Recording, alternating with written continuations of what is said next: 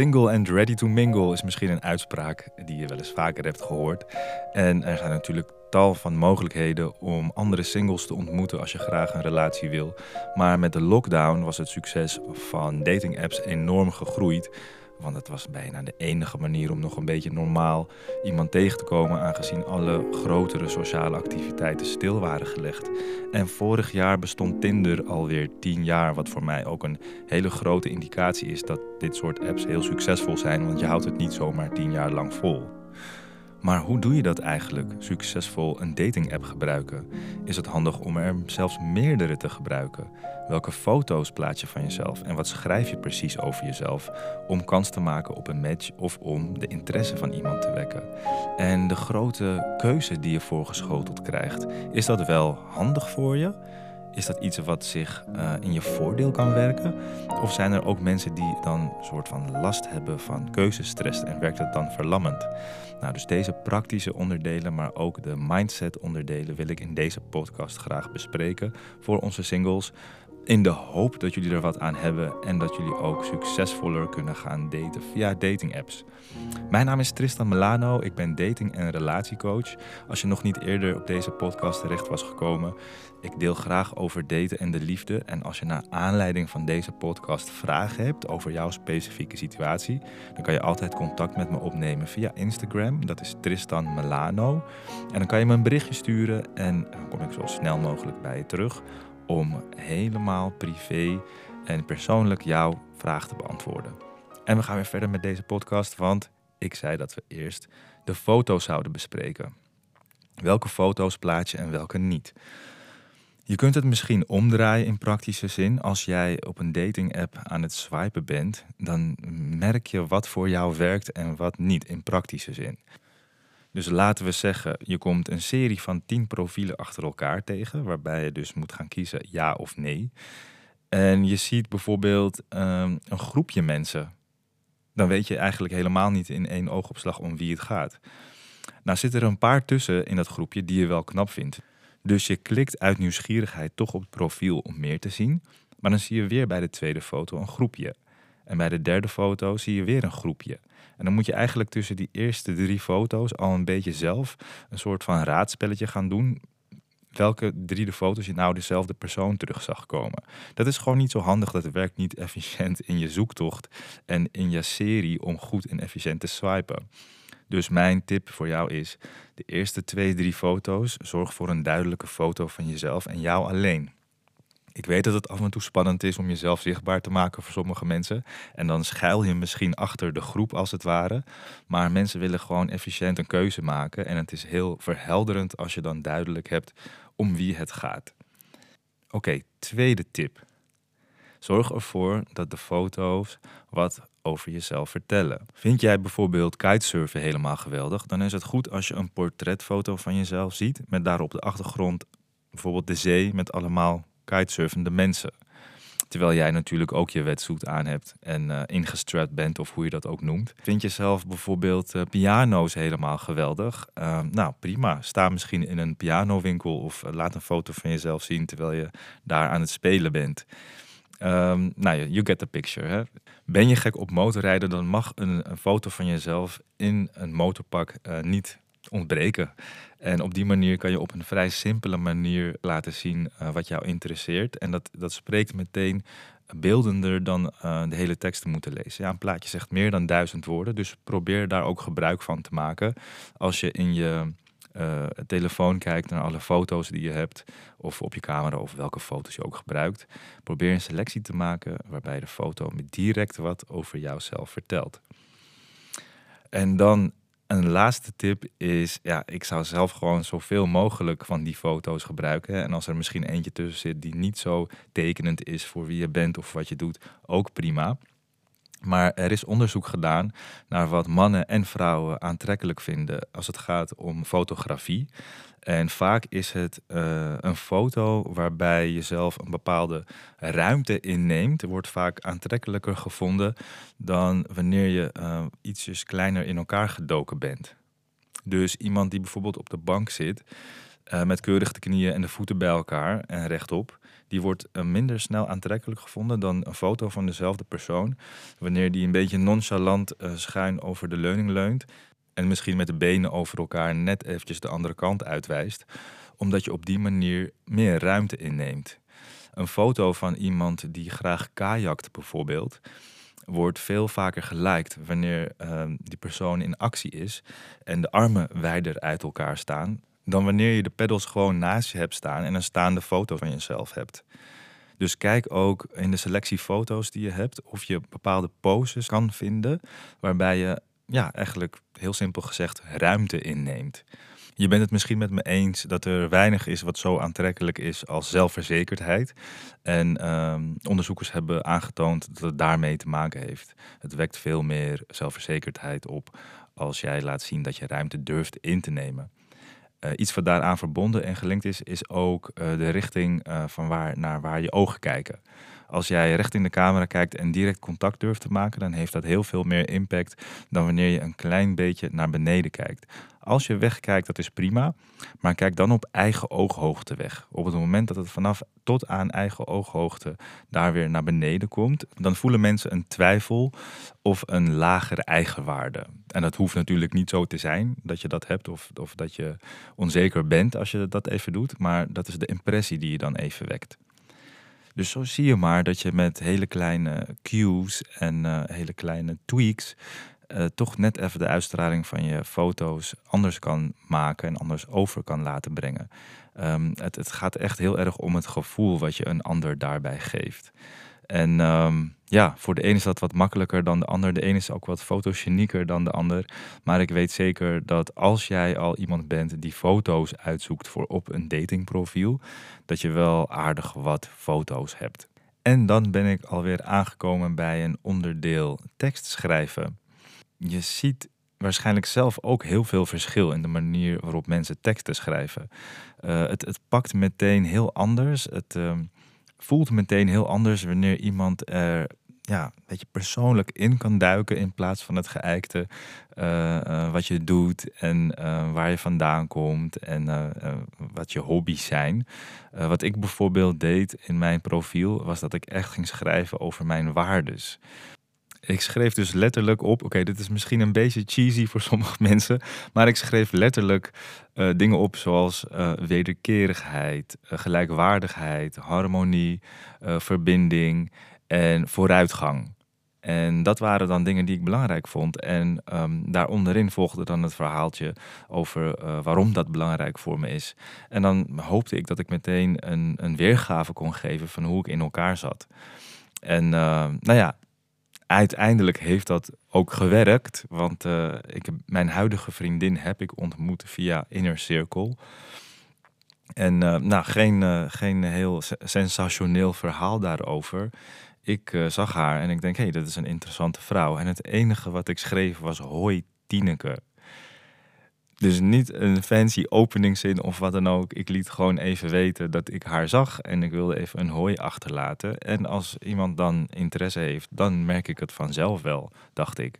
En uiteindelijk uh, was het ook gebeurd, al duurde het heel lang, want zij had dat, uh, dat profiel had ze op uh, hide gezet. Omdat ze gewoon totaal even geen behoefte had aan mannen of daten. Maar uit nieuwsgierigheid ging zij toch een keertje kijken en toen zag ze mijn hooi. En van het een kwam het ander. Dus uh, zodoende. Um, uh, wat ook uh, handig is om te schrijven is heel openhartig, ook niet voor iedereen weggelegd. Wat zijn bijvoorbeeld je grootste dromen? Wat voor leven wil je leiden? Um, wat zijn je grootste verlangens? Wat zijn je grootste angsten? Weet je wel, je hebt misschien wel verlangens, maar wat durf je niet? Of wat durf je nog niet? Um, wat is nog voor jou handig om te leren van de relaties die je tot zover gehad hebt? He, je laat dan ook gewoon zien van oké, ik ben een paar keer op mijn bek gegaan, maar dit en dat zou ik misschien wel willen leren.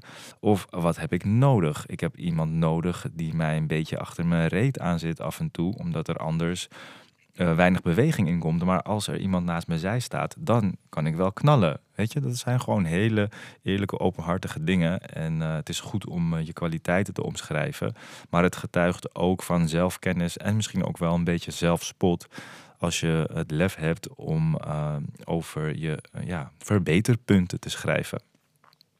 En ik zou daarnaast ook zeker niet uh, achterwege laten om te schrijven wat jij belangrijk vindt in een relatie of een partner. Dan krijgt iemand ook meteen een beetje de impressie van uh, ja, wat diegene te wachten staat als een tijdje zal daten. En um, het is ook meteen een gezonde filter. Want als iemand denkt van, oh, dat is echt iets wat ik absoluut niet zou willen of wat ik absoluut niet zou kunnen of durven, dan zal diegene ook niet met jou in zee gaan. Dus durf ook daarin al aan te geven, uh, dit is de filter die ik heb en uh, dit type mens of dit type relatie wil ik graag neerzetten. En als dat niet lukt, dan lukt dat niet. Dan moet iemand gewoon lekker verder kijken, toch? Heel simpel is dat. En misschien is het een beetje gewaagd.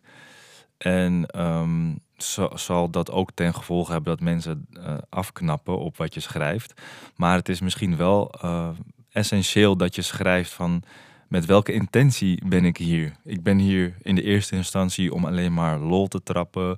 Of ik wil gewoon vanuit nieuwsgierigheid veel mensen ontmoeten om te kijken wat voor soort persoon bij me past.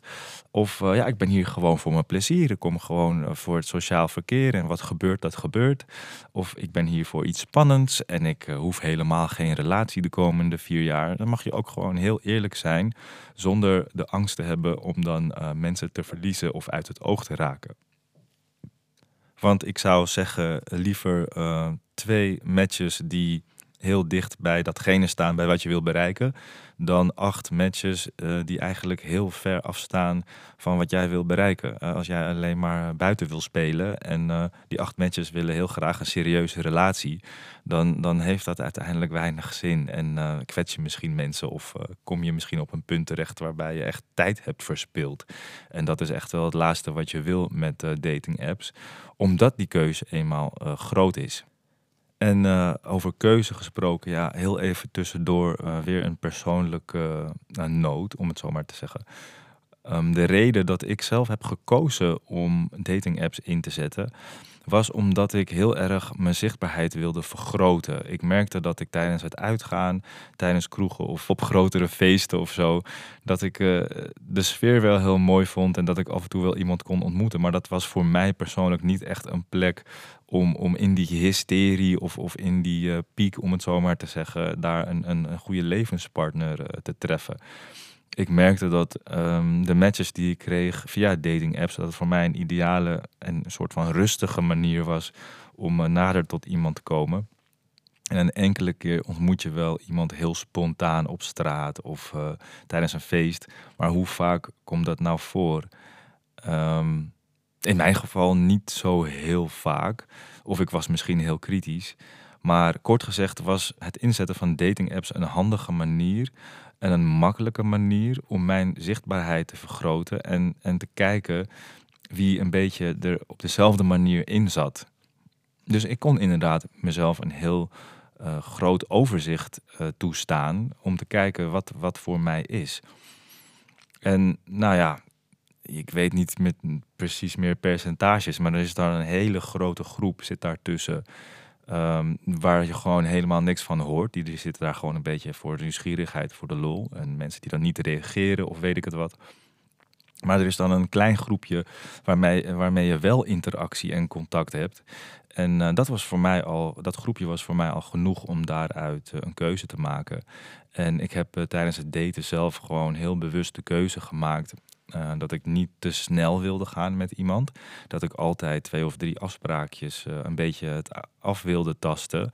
En uh, soms ging dat ook gewoon tegelijk met andere mensen. Dus dan, had ik, dan was ik aan het afspreken, maar dan betekent dat nog niet meteen dat ik heel exclusief ben. Het ging mij gewoon om het gezellige sociale verkeer en de nieuwsgierigheid naar anderen toe. En in dat proces dan te kijken, nou ja, dit voelt goed of dit voelt minder goed. Ik weet niet of, of deze persoon wel echt iets voor mij is. En dan kom je uh, natuurlijk ook wel bij het andere punt en dat is misschien keuzestress.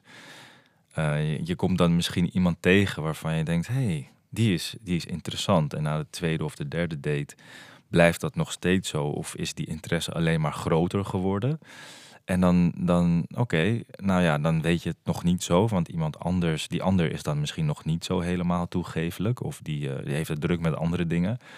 En dan kom je ondertussen uh, weer iemand anders tegen en dan denk je, hé, hey, deze persoon is ook fijn. En die blijkt dan al na de tweede of de derde uh, veel meer interesse te hebben en ook veel meer initiatief te tonen. En dan denk je misschien van, oh ja, dit is wel prettig, maar ik vond die andere ook fijn. En als ik hier nu mee in zee ga, dan kan die ander, moet ik dan laten gaan. En sommige mensen vinden dat heel moeilijk, hè? Om, dan, om dan iemand los te laten of een kans los te laten, wanneer je voor echt een richting kiest en voor iemand anders gaat. En op die manier kan je echt in een spagaat terechtkomen. Vooral als jij een vorm van bindingsangst hebt, dan kan je dat als um, ja, tool gebruiken om dan niet in beweging te komen, om dan geen keuze te maken en sommige mensen die, die zijn dan zo avontuurlijk en hebben dan zo'n lef en zijn dan zo brutaal om te zeggen van fuck it, ik doe er gewoon twee tegelijk of drie tegelijk. En dan uh, daarin de impressie wekken dat je wel verder wil, maar ondertussen ja, zit je zelf in een moeilijk parket. Want uh, ja, het is niet zo leuk voor jezelf als jij die persoon bent. En op een gegeven moment ga je echt wel afscheid uh, moeten nemen van iemand. En dat is ook niet altijd prettig. Dus, nou ja, wat doet keuze met je? Ehm, of een hoeveelheid aan keuze. Er is onderzoek gedaan uh, door psychologen en daarbij zijn er twee controlegroepen genomen. Dat waren allemaal kunstenaars, allemaal schilders waren dat. 25 in de ene groep en 25 in de andere groep. Ze gingen een workshop doen. Ze wisten dat ze meededen aan een onderzoek, maar ze wisten niet wat voor onderzoek. Ze gingen meedoen aan een, uh, een schilderworkshop. En daarbij mochten ze allemaal een kunstwerk maken. En uh, aan het einde van de dag kregen ze de mogelijkheid om hun favoriete kunstwerk uit te kiezen. En die dan mee te nemen naar huis om op te hangen. Dus dat was dan een soort van cadeau van de gemeenschap naar jou toe. En de uh, eerste 25 uh, eh, mensen van die eerste groep, die mochten er eentje uitkiezen. En ze hadden maar één keuze en daar moesten ze blij mee zijn. En de tweede groep, die mocht er ook eentje uitkiezen. Maar die kregen daarbij de optie, als jij na een paar dagen of weken niet tevreden bent met dit schilderij, dan mag jij binnen een maand mag je een andere uitkiezen. Dus die optie die zit dan in hun hoofd. En wat bleek nou? De mate waarin mensen gelukkig waren met hun uiteindelijke keuze, die was veel hoger uit die eerste groep, omdat ze geen andere keuze hadden. Ze hadden in dat moment daar ter plekke hadden ze hun favoriete schilderij uitgekozen en daar konden ze bij blijven, want er was geen andere optie. Dus wellicht deed dat wat met de manier waarop ze een keuze maakten, maar vervolgens ook het niet hebben van een alternatief maakte ook dat ze zich gelukkiger voelden dan die tweede groep. Want een x aantal personen, en dat was een substantieel aantal, vergeef me dat ik dat niet dit cijfer weet. Maar van die andere groep die nog een optie hadden om de schilderij in te wisselen, die kwamen inderdaad terug om weer in te wisselen. En uh, zelfs van die nieuwe keuze wisten ze uiteindelijk niet of ze echt wel heel blij waren met dat schilderij. En dat is iets neurologisch, dat is iets psychologisch, wat dat met je doet als er een andere optie is of als er een alternatief is, wat dat met jouw geluksgevoel doet. Dus zou je dit doortrekken naar dating apps, dan is het voor heel veel mensen niet een heel handige manier om aan een keuze toe te komen. Omdat je niet per se gelukkiger wordt van de keuze die je maakt. En wat deed ik dan ook? Heel verstandig. Op het moment dat ik echt merkte van ik vind deze persoon interessant, dan was ik in staat om te zeggen van oké, dan gaat alles nu gewoon weg. Of dan gaat alles nu gewoon op hide, om het zo maar te zeggen. Wat dan een optie was uh, in Inner Circle. Ik weet niet hoe dat nu is met al die andere dating apps. Ik had onlangs nog van een dating app gehoord waarvan ik niet eens wist dat die bestond. Dus dat zegt ook wel weer iets over hoe lang het geleden voor mij was. Maar ja, en dat maakt het dan ook veel makkelijker dat ik veel gefocuster kon bezig zijn met één iemand.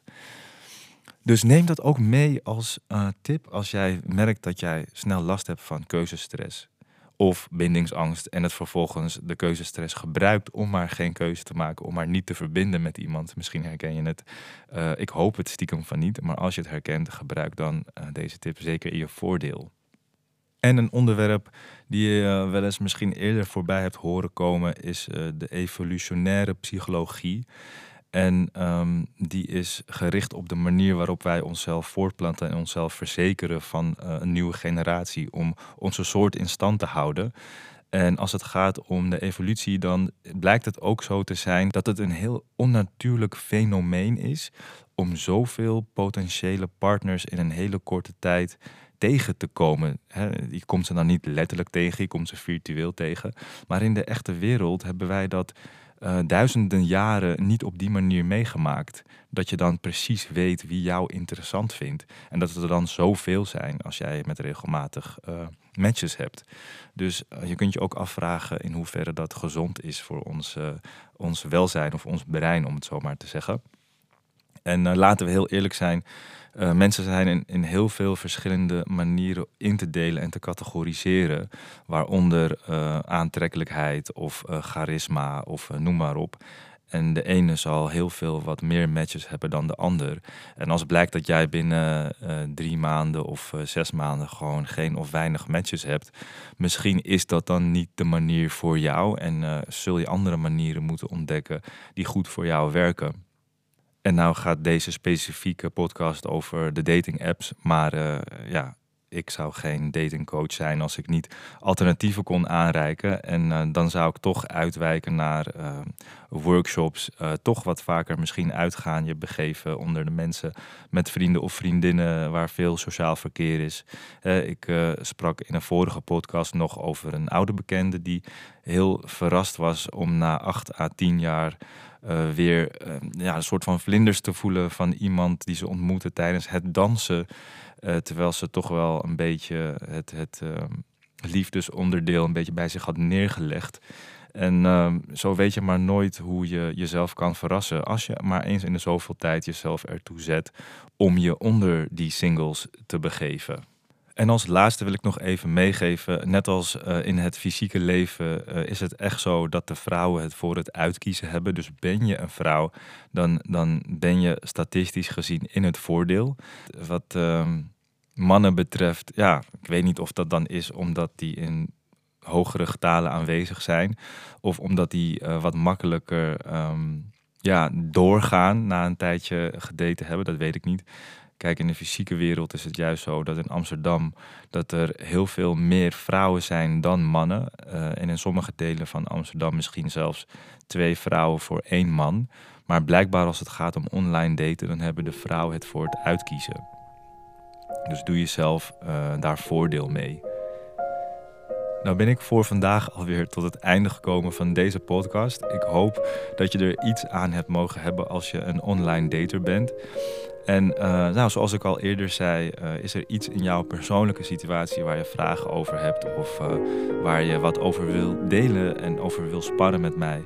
Laat het me weten. Ik ben dating- en relatiecoach. En in de eerste paar contactmomenten ben ik vrij makkelijk en flexibel.